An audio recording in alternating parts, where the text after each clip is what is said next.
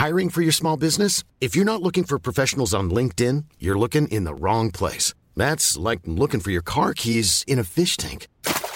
LinkedIn helps you hire professionals you can't find anywhere else, even those who aren't actively searching for a new job but might be open to the perfect role. In a given month, over 70% of LinkedIn users don't even visit other leading job sites. So start looking in the right place. With LinkedIn, you can hire professionals like a professional. Post your free job on linkedin.com slash people today. Nu kommer attack ifrån Sugarcane Hanover som går mycket, mycket fort tycker jag. Det är så fort så jag tror att Kallit kan få svårighet att svara. Sugarcane Hanover vänder ut och in på fältet. Startbilen är i rörelse till Svensk Travderby 1987. What the horse, what the driver, nummer ett McLobel och John D. Campbell. Maharaja la Suède, Maharaja s'est retrouvé, le retour, le comeback de Maharaja le 17. Vid något tillfälle att jag trodde att det var en av de bästa hästar jag hade tränat för. Jag tolkades på vis. Du behöver inte misstolka det längre, för det här är den bästa häst jag har kört och tränat någon gång. Hot och Sports podcast eh, igen. Ännu en tisdag i eh, kylslaget Sverige. Ja, det kan man ju säga. Det har faktiskt varit minus 17-18 här någon dag. Oj, oj, oj. Ja, kanske ska vara det när det är vinter någon gång också. Ja, absolut. Jag klagar inte. Nej. Har ni sett bocken? Bocken Bocken. i, Hall- i Gävle? Nej. Nej, en annan bock. Som man kan klicka i. Detta eh, fick jag mig till livs igår information om. Att eh, när man söker på tränare, kusk i STs eh, sportinfo. Kan man numera klicka i en bock. Där, man, där det står visa även ej aktiva licensinnehavare. En liten nyhet Oj. tror jag. Så då eh, Jag fattar inte. du fattar inte. Vi har ju klagat tidigare på om nu Stig Johansson skulle lägga av. Så Ja. skulle, skulle han inte längre finnas i sportsystemet. Men det finns han nu. Det gör han nu om man klickar i den här bocken. Jaha. Visa även på? ej aktiva licensinnehavare. Ja, det är ju fantastiskt bra. Säkert inte all, alla som, eh, som blir glada av detta det, och inte bryr sig. Men eh, för mig var det en trevlig Hur, nyhet. hur långt tillbaka? Hur långt tillbaka? Ja, det, den följdfrågan hade jag inte räknat med som Claes Östergren en gång sa i en intervju. Eh, jag vet inte. Nej. Men eh, Jag ska, jag ska titta på detta. jag kunde i alla fall få fram Bo William Takte här i häromdagen. Så Ser man på. det gladde mig. Ja, till exempel. Alltså det kan ju vara bra för de här som är med i kommittén där för Hall of Fame. Då kan de läsa på lite. Exakt. Det har du rätt i. Nej, men det är ju, det är ju suveränt bra. Ja, Vi som vurmar för sport pratar om det och tjatar om det. Det här är ju naturligtvis jättebra eftersom da datan finns ju. Det, Ja, det behöver, det ska inte gömmas bort, göms, gömmas undan. Det Jättebra. ryktas på stan att för att kompensera eh, den här no, eh, liksom eh, simpla behandlingen av tusenklubben ska man på STs hemsida införa någon form av eh, ma- maratonlista. Maratontabell, en klassisk. Ja, maratontabell som ska då vara aktuell. Lite plåster på såren från, eller vad ska man kalla det för? Ja, ja. Kompensation. Ja, bäst sen senast annars, eller hänt sen senast? Vad tycker vi Ja, passar jag där? börjar nu direkt här va. Är det någon som såg handbollen mot eh, Egypten? Sveriges match mot Egypten? Ja, jag, gjorde, jag gjorde faktiskt det får jag säga. Det var, jag snubblade in på den så att ja, jag såg hela matchen. faktiskt. Sveriges mittsexa Max Darj. Han brottade ner sina motståndare. Och han sprang hem fortare än någonsin och när han var trött så sprang han ännu fortare. Och då kommer jag att tänka på Pacific Face i lördags. Han brottade ner sina motståndare. Och när han såg ut att bli trött då höll han ändå farten ända in i mål. Ja, det var en härlig, häftig upplevelse och glädjande med den här Giuseppe Lubrano få vinna på det sättet. Och jag såg Flemming Jensen tittade lite skumt på honom och var ett varv kvar. Vad fan håller du på med grabben? Ja, det tror jag det höll jag på att säga. Nej, man, eh, Nej. man, måste ut, man måste utnyttja styrkorna, inte svagheterna. Men är det någon Att, av oss som ändå trodde att det här håller ju, det här kommer hålla i det läget? eh, Helt att han skulle slå de flesta. Det, Ja. Man såg att hästen var ju oerhört gåvillig. Ja, jo visst. Men ändå att eh, det här... Och, ja, men vad mötte, han mötte ju en häst eh, som då blev bortkörd och resten var ju bara massa trötta hästar runt omkring. Ja, Nadal vill inte längre. Nej, och den här Slide, vad heter det, Flemings hästar som är väl lite tåren. Alltså, nej, han kände väl Giuseppe att här har jag styrka och kraft. Den utnyttjar jag. Nej, det var härligt. Ja, ja, det var väldigt häftigt. Jag håller helt med dig. Vad gladde dig Magnus? Ja, det ska väl vara just att, att eh, det var det var en V75-omgång som, som innehöll väldigt mycket. Kanske Svårt, inte sportsligt eh, sådär. som vi sa. Ja, det kan man ju lugnt säga inte att det minst. blev. Och, eh, det var, det, tycker, ja, det var nog det roligaste i veckan tror jag. Att det var, att du, det hade var ju, du hade ju en, en, klar i den omgången som var en av de svåra. Ja, det var ju kul och jag, det har ju kommit några, några tackkontakter har det kommit i alla fall, som, från någon som tog med den på grund av min, min eh, motivering till, till varför. Nej, men det var ju kul, Eclipse, han var ju väldigt fel. Det blev allt perfekt ska man säga också. Det var väl Adrians förtjänst, men, men eh, det var roligt. Jag pratade med Matteus, eh, hade kontakt med Matteus Liljeborg igår som ju hade fantastiska spelidéer. Han hade ju spikförslag på både Glimma Blixten och Taxi Out där, så att... Eh... Det var just de två man missade. Man ska lyssna på Matteus. Ja, precis. Och då föreslog jag att vi skulle spela ihop där, men, men Matteus är ju en klok man. Han, eh, du såg en intervju med honom, Lennart, där han uttalade sig angående spel och vara i tjänsten. Han spelar aldrig när han jobbar och det, det upplevde jag som oerhört eh, klokt. Eh, det är han nog ganska ensam om. Nej, det är han inte riktigt. Det finns flera som är helt ointresserade spel som jobbar med det där. Men Matteus kan nog spela när han är ledig. Det, det, då blir man inte färgad. Jag tycker det är heder, heder åt Matteus. Det är ett exempel fler skulle ta efter. Låt mig nämna Aron Palema också då. Eh, som eh, hittade formen igen och vann. Eh, och framförallt Lars Friberg då som har varit med i många år fick en, en seger på GS 75. Han jobbar ju många år hos, många år hos Jim Frick och är nu tränare i Örebro. Kanske amatör till och med nu. Men det var kul att se tycker jag.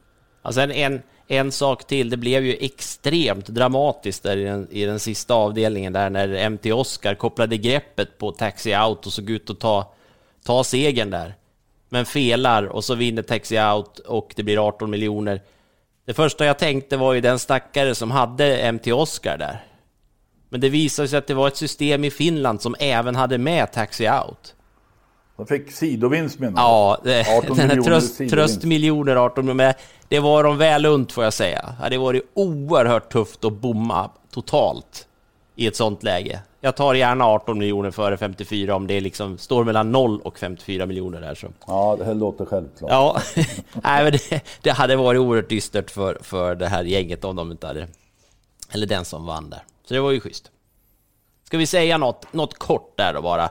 Ska inte älta det. Jag, jag, jag, vad jag skulle landa i, vi pratade där om eh, Pacific Face och Slide So Easy. Bakom de två hade vi ju Konrad Lugauer som fick, fick mycket kritik, inklusive från mig, eh, angående styrningen där och vägvalet. Varvet kvar, dryga varvet från mål. Han ser ut att välja ryggen på Pacific Face. Men så kastar han plötsligt ner Gareth Boko på innerspår och så blev det ju fel. Eh, han fick ju kritik för det. Sen vet jag inte hur hård kritik han fick. Folk kan ju gå bananas mycket, men han eh, svarade ju bra på den. Eh, både i, i tv, men även sen på sitt Twitterkonto. Han tog på sig att han gjorde fel. Och det är fine, tycker jag. Man måste kunna kritisera en kusk, men man måste hålla det inom rimliga gränser. Och sen är det schysst när kusken också kan ta den kritiken. Och så går vi bara vidare. För alla såg ju att det där var inte speciellt bra. Jag, jag, jag tänkte på Thomas Ravellis straffläggning i, i det läget. Han chansade åt ett håll, Thomas Ravelli, och tog den där straffen i VM. Eh, som blev helt avgörande och som dessutom blev avgörande för hans egen framtid. Han sa till mig vid något tillfälle vi träffades. Hade jag slängt mig åt andra hållet då hade jag stått eh, på bandet vid, vid bandet på Volvo nu för tiden. Istället kan jag åka runt och prata strunt en timme och fakturera 25 000 kronor. Eh, jag tänkte på Lugauer. Han chansade och han kastade sig åt fel håll. Mm. Så enkelt är det.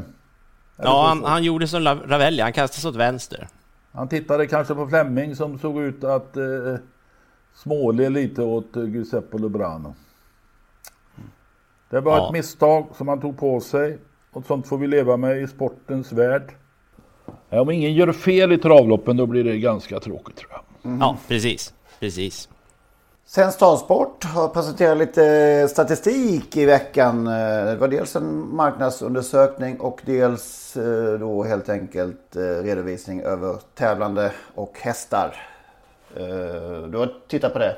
Magnus. Ja, alltså, det är ju alltid kul med siffror så att man får, får fakta som berättar hur det ser ut så att man inte bara sitter och gissar och spekulerar. Och då presenterade man har presenterat en hel del då, det brukar kunna vara så när det har varit ett årsskifte då. Dels som du sa, den här marknadsundersökningen, den, den får vi inte veta så mycket om, utan de sammanfattar den, eller Maria Kron som sammanfattar den i ett sånt här Eh, om det var hennes VD-brev tror jag, eh, där hon sammanfattar lite grann om, om hur, hur, eh, personer i travsporten har svarat på vad, vad de tycker travsporten ger dem och vad som är viktigt. Och det blir ju såna här kärnvärden som kanske går att applicera på nästan vilken verksamhet som helst egentligen. Ehm, men det är inte, så vi, vi, får inte veta som sagt så mycket kring, kring den här marknadsundersökningen, vilka ytter, fördjupningen i det där. Men det här ska ju användas som någon slags underlag för fortsatt utveckling av travsporten, så det är väl det är väl bara att hoppas då att de på marknad och kommunikation och alla andra avdelningar kan göra något bra av det. Men däremot så kommer ju också då ren tävlingsstatistik också, där man mer har, har siffror på, på hur travsporten utvecklas. Och där kan man ju vi har ju pratat mycket om det här med hästar i lopp och hästbrist och allting. En siffra som, som förvånar mig lite grann, eh, det var att eh, de flesta kurvorna har ju gått ner de senaste åren. Rätt många år tillbaka så har, har alla siffror gått lite neråt från år till år. Då. Men en sak som ökade lite grann förra året, det var antalet hästar per lopp. Som gick från 10,7 till 11,1. Eh, det springer alltså så här tiondels hästar i loppen. Men det, det fascinerar mig ändå, för man upplever ju kanske inte riktigt det här när man tittar i startlistorna. Då ser det ju ut som att det faktiskt är färre, allt färre hästar, att vi har den där hästbristen vi pratar om. Det skulle vara intressant att se regionalt hur, hur det ser ut, men... Eh, mm. Ja, det finns också, så det finns man kan ju gå in på travsport.se och hitta, gå ner djupare. Nu, nu väljer jag att gå på den här mm. eh, nationella nivån då. Man skulle säga att antalet lopp minskade ju med 172 stycken. Vi körde ett, eh, 8199 lopp förra året mot 8371 2019. Då. Så det blev ju lite färre lopp för hästarna också. Ja. Sen en annan grej som då har varit, eh, nu gick det inte att se längre tillbaka än 2000 i den här statistiken då, men en kurva som har varit på väg neråt sedan 2000 åtminstone, det, det är ju antalet tränade travhästar i Sverige. Men förra året så ökade det lite grann. Och det var över hela linjen, varmblod, kallblod, eh, A-tränade, B, B-tränade och så vidare. Så en, en viss eh, förändring åt det positiva hållet under 2020 där. Det, däremot så gick eh, prispengarna för varmblod, de minskade igen förra året, men kallbloden, de får fortsatt ökning, för de har, det har de haft också i flera år i rad. Så för, det är bra att ha kallblod. I alla fall om man vill ha en statistisk ökning av prispengar. Så att, eh, och det, det finns som sagt en väldig massa siffror att, att grotta i här, men, men eh, jag tillhör väl en av dem som har skällt lite grann och då tycker jag att jag kan ta fram siffror som, det finns, det finns ett ljus också. En totalt dyster framtid är det ju inte, men, men över, ska man vara ärlig också, tittar man över hela spektrat på den här statistiken så är det väldigt mycket rött. Nu lyfter jag fram det som, som är grönt. Eh, mycket därför att delar av det här var faktiskt sånt som jag trodde var tvärtom. Men eh, totalt sett så är det rött.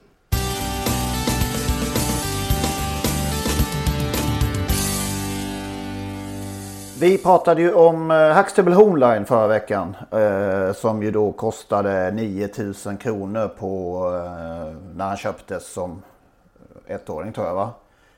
Ja. Ja, vi fick in en liten kon kontring här. Inte i paritet kanske med Huxtable Homeline. Men Remington Crown kostade 21 000 blott på kriterieaktionen. Vilket år det nu kan ha varit, mitten på 90-talet där va? Och sprang ju sen in 22,9 miljoner. Det är Magnus Burman, tidigare första mannen i eh, Stallberg va. Som mejlade in detta. Intressant uh, info. Det hade jag inte koll på att han var så billig. Så Nej. får man kalla för fynd, fynd faktiskt. Ja det kan man säga var fynd. Sen noterade han också uh, väldigt insiktsfullt att Remington Crown vann ju derbyt med galopp. Det hade inte hänt sedan Smaragd gjorde det 1955 om nu Magnus har rätt. Jag har inte koll på alla upplagor måste jag erkänna. Så det är lite coolt. Och då, det, det otroliga i det sammanhanget är såklart då att även Hilda Sonett ju vann megalopp. Så att sedan Smaragd vann megalopp 1955 så har två hästar gjort det och båda har alltså tränat och körts av Robert Berg. Den är ju svårslagen den komben. Men... Och Remington Crown såldes ju senare då till Frankrike och kom tillbaka och vann Elitloppet. Ja, precis. Eh, var några... Markis innan. Just det.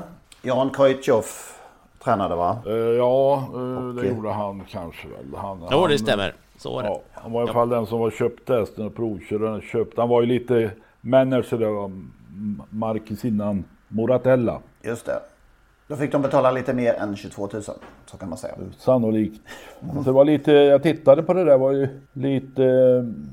Det hände mycket på ägarsidan där. Lövsätt, Gård, HB, Gary Westberg och Dennis Westberg. Håkan Alinder, Mats Jonsson. De bytte den tränare under en kort period, eller ägare under en kort period 97. Håkan Alinder, Robert Berg och sen Stall Guldus AB Robert Berg. Det kan ju vara samma personer i och för sig. Eh, innan då eh, den såldes till Frankrike. Mm.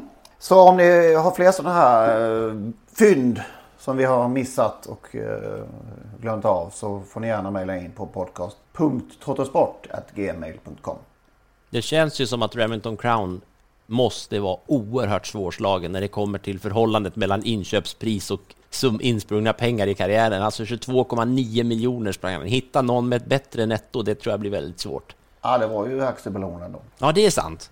Ja. Men han kom han, vad, vad, vad, sa vi att han kom upp i då? Han var inte 14. Ja, okej okay då. Och köpt det är också väldigt bra. Ja, det får man säga. Det får man säga. Ett mm. sånt köp gör jag gärna. Ja, vi tjatar ju vidare ytterligare en vecka här om det fantastiska March of Dimes från 1988. Av många ansett som eh, ja, genom tiderna största travlopp eller mäktigaste travlopp. Eh, Bo Rydgren hörde av sig och eh, med ett eh, matigt mejl eh, berättade lite om eh, förutsättningarna och fakta kring det här. Och, eh, det var han som eh, fixade rättigheterna till Skandinavien då via sin eh, kompanjon Hans Engren som då satt i den centrala styrelsen i USA som utförde de här rättigheterna. Sen delade han dem med Sören Landin och bildade i det skedet det här Ryland Promotion AB. Kunde då få till den här direktsändningen och först att hoppa på det hela var Åby. Och efter det Färjestad. Så de, de två banorna sände ju också det här loppet. Solvalla tackade via sin tävlingschef först ja, men kort innan det var sändningsdags nej till sändningen. Motiveringen i det läget var att han tro, de inte trodde att det skulle komma mer än ja, en handfull eller max tio personer. Efter lite påtryckningar sen ändrade de sig dock som tur var, skriver Bosse. Eh, Åby hade fullsatt redan vid 21.30 tiden. Färjestad var också fullspikat och på Solvalla tvingades man upp, enligt eh, Bosse öppna upp våning för våning. Och det räckte inte på långa vägar med den av Solvalla förberedda Nordin-salen. Och det loppet gick ju alltså klockan tre på natten va? Så tänk att sitta då, då från, från halv tio på kvällen till och, och vänta på ett enda lopp. Det är fantastiskt alltså. Vilken... Det var på den tiden vi fick dricka alkohol efter klockan 20 på restaurangen. Ja, det krävdes nog där lite faktiskt för, för att bli kvar alla de där timmarna. Det är häftigt det han skriver där, Bosse, också om att, att eh, det var ju eh, Värmlandsbanken som var sponsor där. Mm. De, Carl Johanssons sponsor. Carl Johanssons sponsor var ju Värmlandsbanken och banken hade bjudit in 104 av sina kunder. Och av de 104 inbjudningarna så var det 102 som tackade ja och kom dit och satt ja. klockan tre på natten och tittade på trav.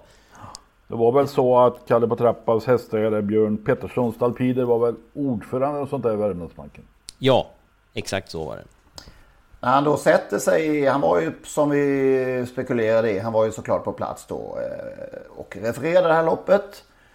Och sen kommer Orasi och så kommer också Sugar Cane Hanover. Orasi längst ut i banan kommer Sugar Cane Hanover. Och det är Sugar Cane Hanover som vinner med Gunnar Eggen. Sugar Cane Hanover.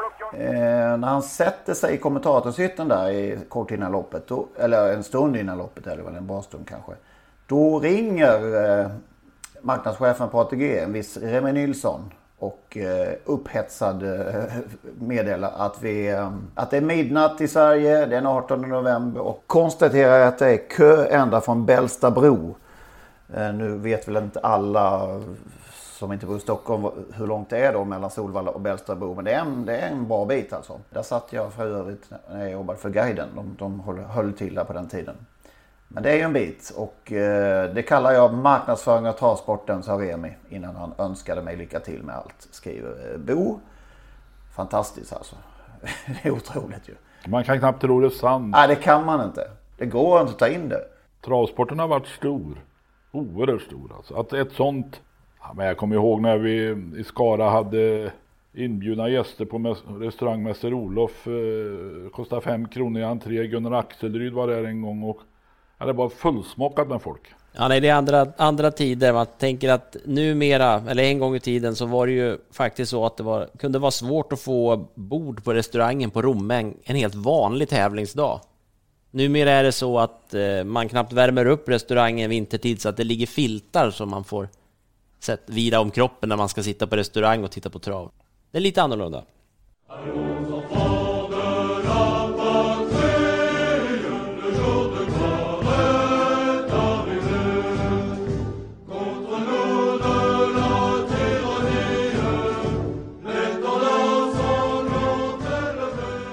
På söndag körs ju ett stort lopp i Paris. Ah, körs och körs. Ah, förlåt. Ja, det är en klass, klassisk felsägning det. Ja, det kan man nog säga minst Ja, sagt. ja. Det rids ett eh, väldigt, väldigt stort lopp. Prix de Cornelier. Ja, Mm. Hur ser det ut eh, för, eh, till att börja med för Galactica? jag tittade för en stund sedan och hon är nog ganska nära att få vara med men det krävs nu någon strykning till. Jag har tittat lite på Födda hästar i Prix de Cornelier, alltså världens största monterlopp. Den bästa, Piper Cab provade en gång i tiden, jag tror det blev galopp, det var nog 1992. Den bästa svenskfödda är nog Lucky Tilly 4 1994. Tränades då av Jack Bertois. David Seda var femma något år. Hot Tub var ju femma 2008. Och ledde länge faktiskt. Ända in på upploppet. Och eh, såg nästan ut att kunna vara med och strida om de bästa placeringarna. Men tröttnade sista hundra och blev femma. När eh, Magnific vad hette nu hästen? Magnific... Ja, jag kan inte prata. Magni... Ja, Magnificent Rodney hette han så. Ulf Nordin, stör... kanske Ulf Nordins största framgång som tränare. ja. Och En av de största när han vann Prix de Cornelier. En- Alltså svensk, en svensk som tränar en Prix de Cornelier-häst. Och eh, Frank Nivard red. Sen har vi en stor framgång eh, med Scarlet Knight att vi 2005 som spurtade oerhört, oerhört alltså till andra platsen. Och det finns ju de som då tyckte att Nathalie Henry som red, red alldeles för sent och det kan man kanske tycka att hon ville inte liksom sätta fart för tidigt för hennes pojkvän Mathieu Abrivard vann ju med Jacques Debeloé, den, den fick man inte slå liksom. Va? Men det var ändå en, en fantastisk framgång för Scarlet Knight. Han var väl lite o... Visst var det första gången han var... gick under sadel? Ja, det Då. kanske var så. Han stod i 20 gånger. Så att det var ju kanske inte ja, så lätt att veta hur, hur, Nej, hur väl det skulle nej det, var, det var säkert maxutdelning för Jagd Belé vann ju det här loppet tre gånger i rad. Eh, han, stod i, han gav 1,10 odds, Jagd Belé. Och eh, 20 gånger som sagt på Scarlet Knight. Det var på den tiden de satt rak i ryggarna. Eh, det var innan den nya ridstilen hade uppfunnits på, på, i montén. Tittar man på det loppet så ser det förbaskat roligt ut alltså. Okej, jag rekommenderar ju alla att, gå Ja, in det är ju, alltså, de som inte har sett eh, hur Monter reds eh, på den tiden ska absolut titta. Ja. Eh, Makalöst skillnad mot nu och det var väl Philippe Mascal som införde den här nya stilen. Det var lite Boklövs, eh, alltså ändrade helt om. Ny, ny, ny ridstil, ny hoppstil. Vem red eh, Hot Tub? Det gjorde nog Erik Raffin. Vem vann då 1970 och 1972? Minns vi det? Didalien Pelou. Ja, det är vårt nostalgiämne idag. Det var därför jag visste det. Ja, fantastisk eh, häst. Otroligt. För några veckor sedan måste jag erkänna. att jag inte kände till hästen överhuvudtaget. Men det är ju... Vunnit Elitloppet Henrik. Ja, jag vet. Men det var eh, precis Det var före... din tid. Ja... ja, den hade gått mig förbi helt enkelt. Jag ber om ursäkt för detta. eh, Jag tror, jag, jag, jag tror den största Elitloppsvinnaren, alltså till storleken. Genom tiderna. Han, eh, när han vann Elitloppet så var han 175 centimeter. vi tog den eh, uppgiften som, som var högst. Vi har sett någon uppgift på 173 också. Men Ja men det duger inte. nej, 170 175... Ögonmåttet säger 100. Ögonmåttet, jag var där. Jag är säker på 175.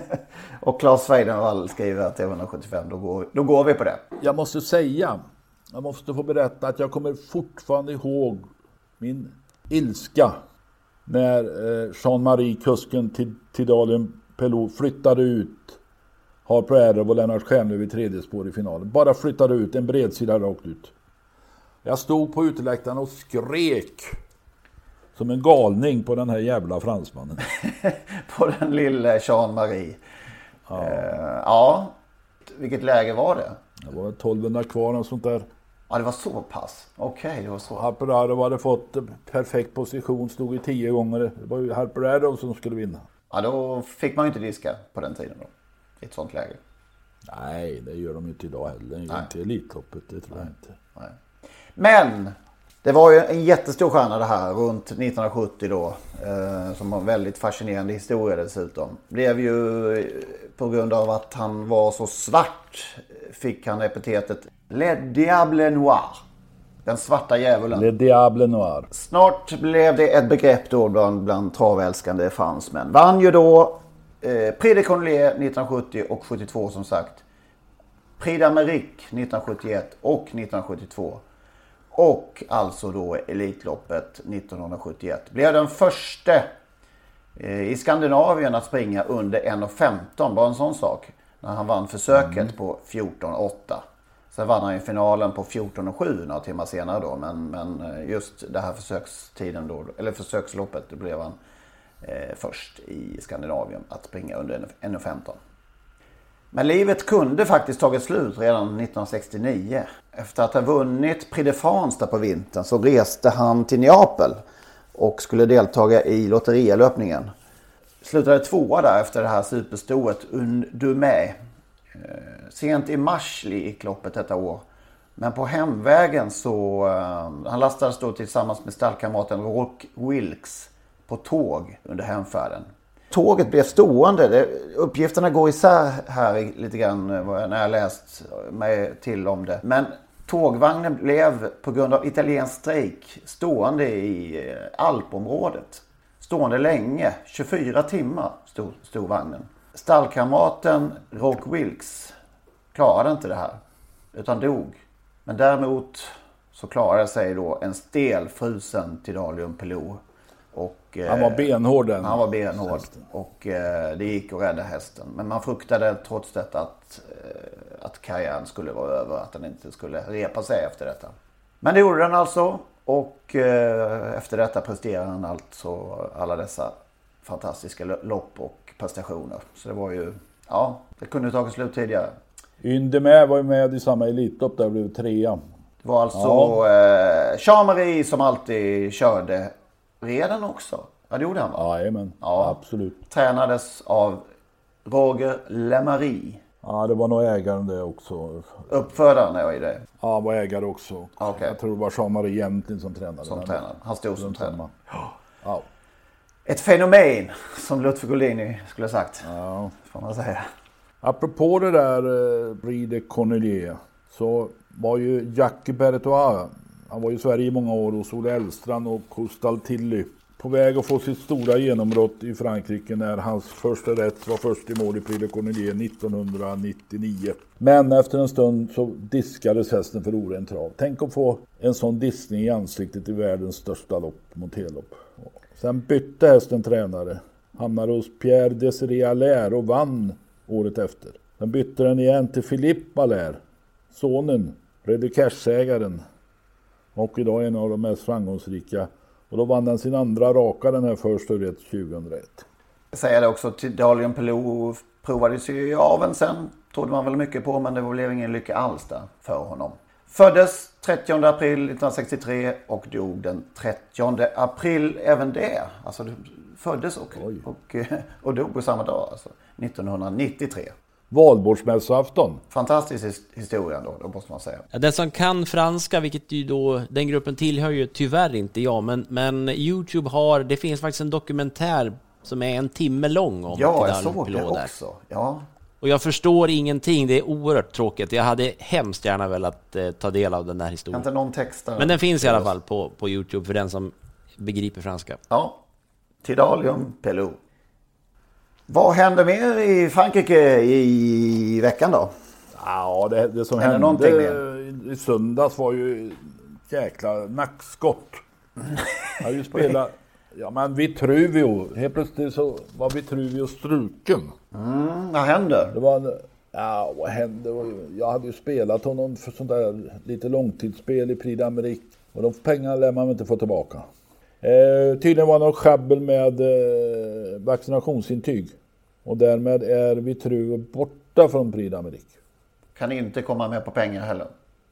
Jo, men den har startförbud. Jaha, då blir det värre. Så det hjälper inga pengar i världen. Nej. Eh, Prix de Belgique var det vi då och det vann ju Davidson de Ponte och såg väl bättre ut den gången innan. Eh, Jean-Michel Bassi körde ett perfekt lopp. Spurtade till seger och kommer nog vara ännu lite vassare i det stora slaget. Men det krävs ju då att han är också för att kunna slå eh, storfavoriten där, Facetime Bourbon. Det intressanta i lördags var ju Prix de Croix. Och där möttes åter en gång Eitos Kronos och Power. Och de där två har mötts på Vincennes två gånger tidigare och varit gått jämnt kan man säga. Eh, faktiskt har Power vunnit ett lopp, Eitos Kronos har inte vunnit något lopp, men de har varit ganska jämna. Och i lördags så var Eitos Kronos spelat till tre gånger och Power stod och gav 16 gånger. Är inte det märkligt? Var du, var du beredd? På Nej, Toto? då, nej det var jag inte. Jag, jag deltog inte. Men eh, Eitos Kronos eh, blev ju katastrof. Banan var ju skit så det passar inte alls. Och Power, Power bryr sig inte om eh, vad det är för banor eller var, var han är någonstans i världen. Utan han bara springer. Nej, visst är det konstigt. Det är fantastiskt konstigt där. Att, eh, att det kunde... Är det för att Basir kör och att han spurtade så bra senast och jadi jadi? Han körde bort han gången innan. Var, ja, Alla trodde väl att... Det var märkligt i alla fall. Men eh, det, här är, det här innebär ju nu alltså att vi får då, vi har ju sagt att vi inte för första gången på jättemånga år inte får någon häst i Prix d'Amérique, svensk häst i Prix d'Amérique. Men nu får vi det. För Berg har uppenbart bestämt sig att starta Power i Prix d'Amérique. Det är väl eh, lämpligt eftersom han eh, ska ja, gå till avel under våren här va? Ja, det finns ju inget att förlora och det kanske Ingenting. inte är jättebra motstånd heller. Eller så. Han kan säkert tjäna en stor slant där. Mm. Bakom Davison DuPont så var ju Delia de Pomerö tvåa och Moni Viking bra som trea. Båda de här var bra. Är Ingen man, tvekan om det. vet man eh, hur man gör med kusk i Prix eh, Kring Power i så fall. Ja, enligt eh, en uh, uttalande på travronden igår måndag så ska han köra själv. Men det skulle han gjort även i lördags tror jag. Eh, men eh, ja, han har ju kört. Han vann väl Kriterium Continental själv så det finns väl ingen annan. Och de bästa kuskarna är upptagna med han. Varför skulle han inte köra själv?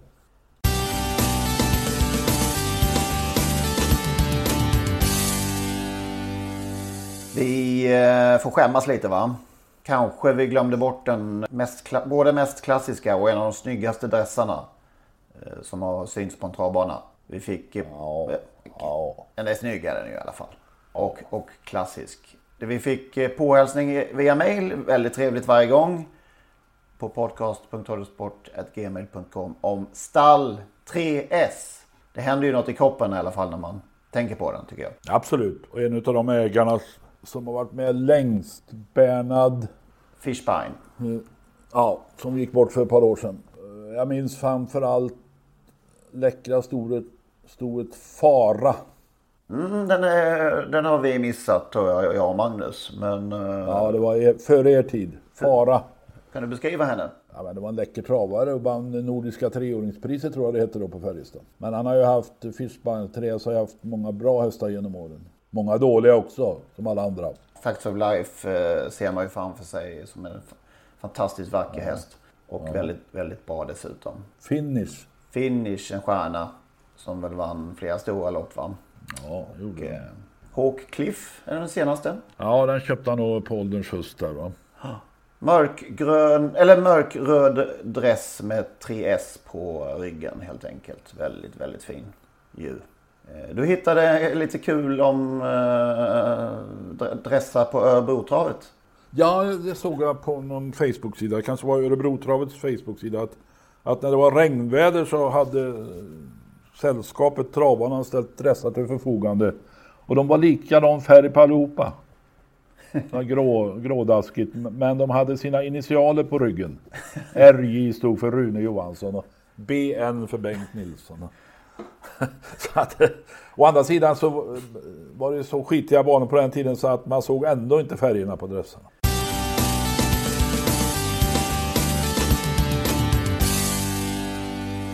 Som sagt, har du någon ny bomb, eh, 3% eller vad det var, som Eclipse Am i lördags, Magnus? Det skulle man ju vilja ha, men, men eh, känslan är den här veckan, det är precis raka motsatsen eh, vid en första anblick här. Om det såg svårt ut och blev svårt på Jägersro så ser det åtminstone väldigt, tycker jag, lätt ut. Nu ska man inte ta till man spricker för att man fick in en skräll i helgen, men, men det, ser, det ser mycket... Alltså vi har många favoriter den här veckan som faktiskt ut. ser ganska starka ut. Det, det, Ja, det- precis. Jag kommer att få äta upp Ja, det detta. kommer du få äta upp. Eh, Men, eh, nej, nej.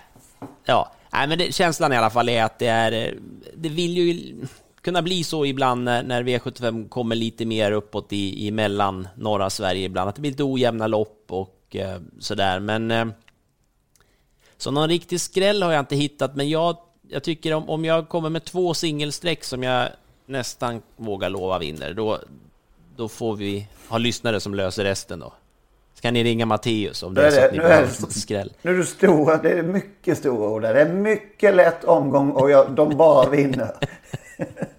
ja, Ja. Varsågod. Nej, men jag tänker i alla fall så här. Ja, jag tänker så här. Jag börjar omgången med att spika Daniel Wäjersten med sin Merit.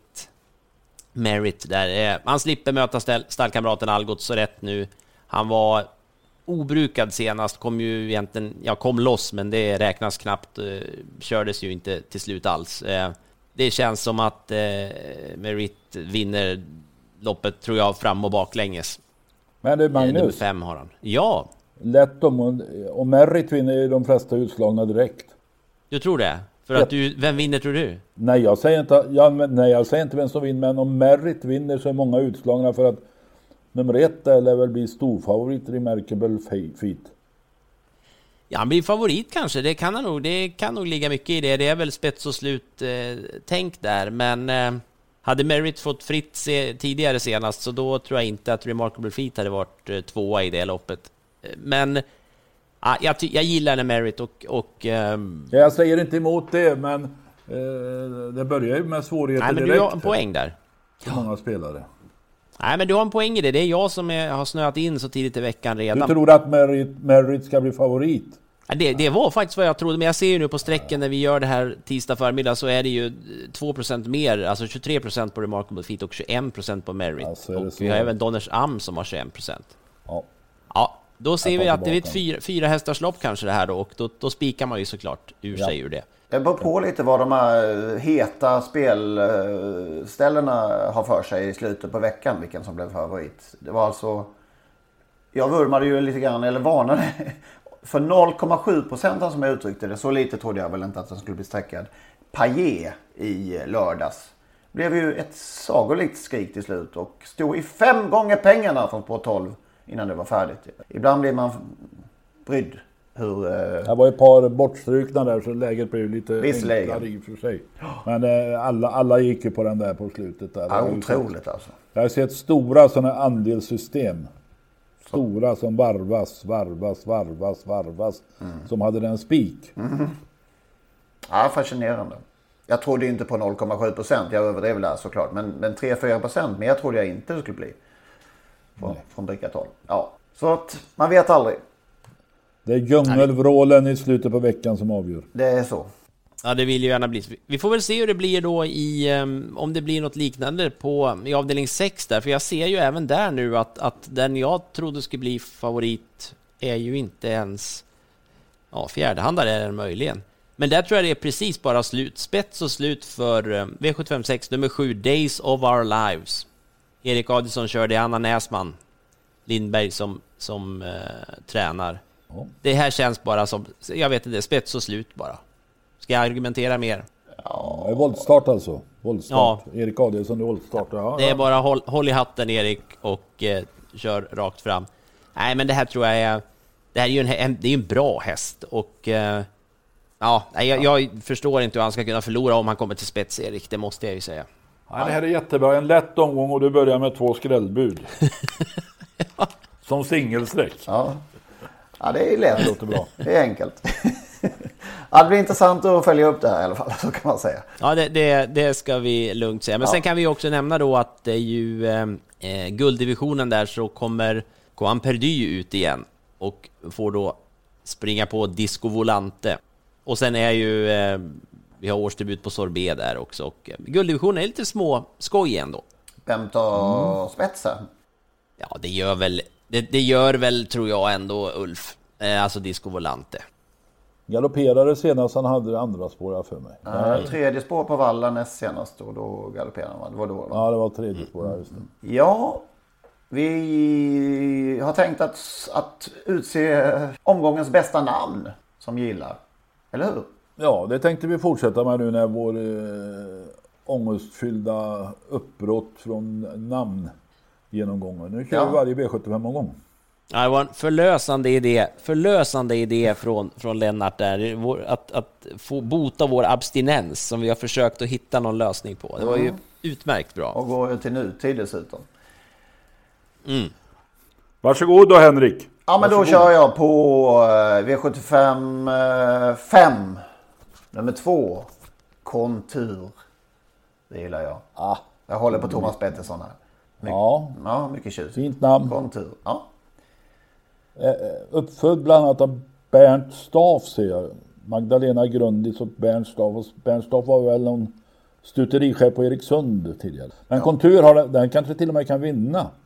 Kan du det Magnus? Ja, sätter mig på pottan här nu. Jag, ska, jag har inte läst på Konturs segerchanser, måste jag säga Nej. faktiskt. Nej, men alla hästar som är med i programmet kan vinna. Det lärde vi oss i lördags om inte annat. Men jag tror alltså att den är en av de som, som eh, man tittar nu så är den är sträckad på 7, pro, 7 procent är det, ja. så att nu Lennart börjar det växa fram en omgång här som... som eh, Nej, det men är synd den- att det inte är jackpot. den. eh, Jag läste någonstans att han siktar på att köra i ledning hela vägen. Så att det, det, konturen är nog en bra häst att plocka med. Nu går vi vidare. Tar vi din? Min. Ja. Jag var inne på kontur, men jag eh, fick ju då, jag hade ju en reserv, eh, jag satte ut reserver liksom. Va? Så då hamnade jag på, den har ju inte lika stor chans som kontur, men Valör tycker jag är ett fint namn. Valör, uppfödd och tränad och körd av Alf Nordemo. Väldigt Och Den är ju inte, den är, det är ju nu- nutid förvisso, men eh, det är ju ingen purung. Jag tror han är 12 år. 12 år efter Lavio. Den vinner inte, men det är ett vackert namn. Valör. Ja, Magnus. fort, ja, det känns som att vi, det- vi hamnar i någon slags eh, fransk, eh, franskfåra här eftersom jag ju då det känns nästan som fuskigt att ta den hästen i omgången som har tjänat mest pengar av alla, men Sorbet tycker jag ju, har alltid tyckt är ett väldigt fint namn. Så Sorbet får bli min V75-namnet för mig den här veckan. Ja, Man kunde ju ta Technojärven, det tycker jag är ett fint namn. Och den kan ju till och med vinna. Men Sorbet är väl uppfödd av veterinären Söderberg. Som väl... eh, Exakt, exakt ja, stämmer ja, alldeles Som utmärkt. väl har eh, veterinär David Söd, Daniel Söderberg ja, Som väl har... Eh, som ägnar eh, en del åt att eh, eh, namnge sina namn, eh, gärna efter maträtter eller sånt som man kan stoppa i munnen i alla fall. Aioli, al dente, baguette, brie, bruschetta. Bouillabaisse! Ja, Fantastiskt! Grapiciosa carbonara, Coca-Cola, clementin. Ja, det är ju, det är ju en fantastisk fromage. Ja, Ja, nachos! här, just det, vad hästar, cabanos, kebab, Puddingen har vi också. moll. Fantastiskt bra. Det hade jag missat. Vilken Noodles. grej, vilken... En, det är en rena menyn att sitta och titta på hans eh, namngivning Popcorn, här. ravioli, roquefort. Ja, det är helt lysande alltså. Du, apropå Villa ha så har du ju kommit av dig i dina vinrecensioner. Du, en gång höll du. Ja. Nu får vi ta fram ett bra vin till Prix d'Amérique. ja, men då tar vi väl ett... Eh, Men vi, tar, vi väntar till nästa vecka och du får spana fram ett bra, varm, bra vin i Prix d'Amérique. ja, det, jag lovar. Jag lovar. Apropå det så kan ju ingen åka. Ja, någon kan väl åka, men jag kan inte åka. Och, och det är ju lite, inte bekymmersamt, lite dystert att inte kunna åka till Paris. Och, nej, Prix d'Amérique är min grej liksom varje år. Eh, jag har en kamrat i, i Borås som heter Per-Åke Öhman och vi har tillsammans gästat eh, Paris eh, ett antal gånger under Prix d'Amérique. Och jag pratade med honom häromdagen, då sa han att du har i alla fall närmare än jag till, till eh, Prix d'Amérique. Ja, jag tänkte vad menar du nu då? Ja men i Skövde finns nämligen något som heter Bologneskogen. Och då tyckte Per-Åke jag kan gå ut och sätta mig där på söndag förmiddag när Prix d'Amérique med en baguette och en flaska vin och titta på loppet. Det var inte så dumt. Ja, det låter väldigt Det var det eh, faktiskt inte. klockrent ju. Om det inte är 18 grader kallt och ingen vidare dricka rödvin när det är svinkallt. Får man ta glühwein. Ja, i veckan ska eh, ST och sällskapen eh, hålla ett nytt förtroenderåd. Det går inget vidare där i, i eh, den här um, frågan kring centralisering och lösning kring det. Det är inte, humöret är inte på topp var jag enligt mina källor. Så att det ska bli spännande att se om det, om det kan bli någon lösning där någon Humöret är inte på topp. Nej, du menar det- att de är aningen oeniga? Menar du De så? är, de är lite, lite, de är inte helt på, på samma våglängd. Så att det blir spännande att följa hur det går där. Annars, något mer innan vi packar ihop? Jag ska, jag ska för säkerhets skull titta en gång till på om det hänt något på Prix de Cornelia. Jag tror inte det händer något idag. Nej, Galactica är nummer 19. Hopp. Då tackar vi så mycket. Tack och ha det gott. Ser vi fram emot förhoppningsvis en Galactica i Prix Cornelier på söndag. Ja, och nästa vecka blir det en del om Prix d'Amérique gissar jag. Det blir det verkligen. Ser vi fram emot. Med vintips från Henrik Ingvarsson. Ja, jag lovar. Må så gott. Ha det gott. Hej. He- Hej då.